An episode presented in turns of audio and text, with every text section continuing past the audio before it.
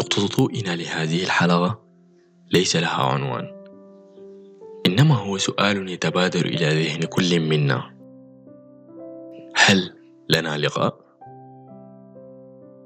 بعد أن أخذت الحرب هذا الشيء الثمين منا فرغتنا عن أصدقائنا من أخوتنا وأخواتنا حتى من زغاغاتنا التي نحب التي أحيينا فيها الليالي وجعلنا بها الأيام.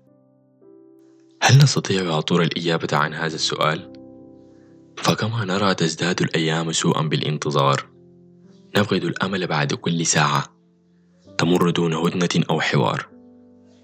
أصبحت منصات التواصل منصات شؤم فبدل أن نتفقد أحوال بعضنا بعضا أصبحنا نتفقد سوء الأحوال في البلاد.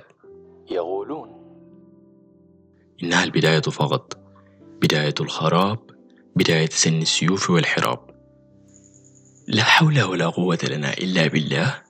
من ثم الانتظار.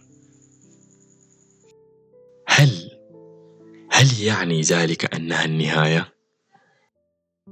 يسعدني أن أقول لك وبكل سرور يا رفيقي حتما لنا لقاء.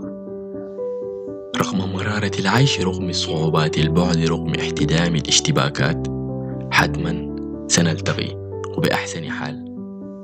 فالحرب لو كانت في ظاهرها بلاء وخراب للديار فهي في نفس الوقت طهارة ودرس وقيم. درس يعلمنا الصبر وقوة التحمل. درس كشف حقيقتنا وأرانا سبب تأخر بلادنا في النهوض فعلينا باجتياز الاختبار. حتما لنا لغاء حتى وإن ساءت الظروف لأبعد الحدود. ولكننا ما زلنا أحياء. فسنلتقي أيقنت ذلك بعد أن شهدت لقاء بين رجلين؟ يبلغ كل منهما الستين خريفا أو أكثر. بعد أن فرغا من إحتضان بعضهما والتحدث عن الصدمة والمعجزة. اتفقا على اللقاء بعد صلاة العشاء في نفس المسجد الذي جمعهما عند صلاة المغرب. وبعد أن انصرف كل منهما صادف أن طريقي مشترك مع أحدهما فحكى لي وقلبه مليء بالفرحة بأن هذا اللقاء الذي كان قبل بضع دقائق قد كان الأول بعد فراق دام خمسين سنة. بعد أن فرغتهما الحرب بعد أن كانا رفيقين مقربين خمسون عاما هذه حقا قصة ملهمة.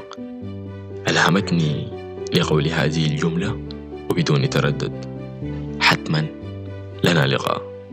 وفي الختام أتمنى أن تنال الحلقة إعجابكم وأن تشاركوها مع كل من تحبون. وأسعد جدا بتلقي اقتراحاتكم لنقاط الضوء الجديدة.